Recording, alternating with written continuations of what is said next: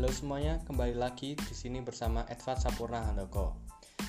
Dan sekarang kita akan membahas mengenai kebijakan Jepang di bidang politik di Indonesia.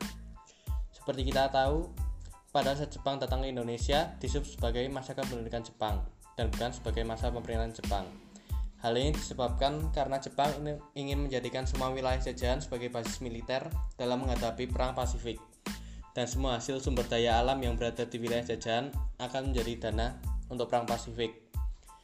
Salah satu jajahan Jepang adalah bangsa Indonesia.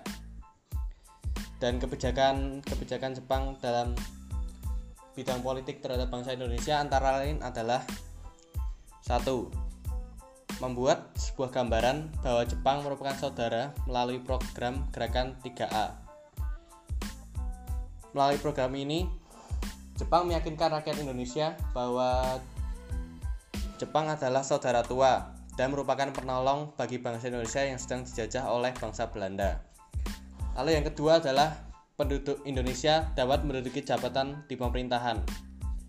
Hal ini dilakukan Jepang supaya mereka bisa dengan lebih mudah mendapatkan kepercayaan penduduk dan lebih mudah menggerakkan masa di rakyat Indonesia dengan menggunakan pemimpin-pemimpin pribumi atau pemimpin-pemimpin asli bangsa Indonesia.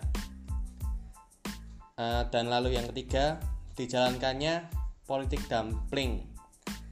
Yang keempat, pemerintah Jepang mengkhususkan warga Indonesia di bidang militer. Dan dalam hal tersebut, Jepang mendirikan beberapa organisasi dalam membantu militer, antara lain PETA, Putra, Jawa, dan Jawa Kokai. Serta ada organisasi lain untuk wanita seperti Fujinkai. Sekian penjelasan dari saya. Saya berjumpa di podcast berikutnya. Terima kasih.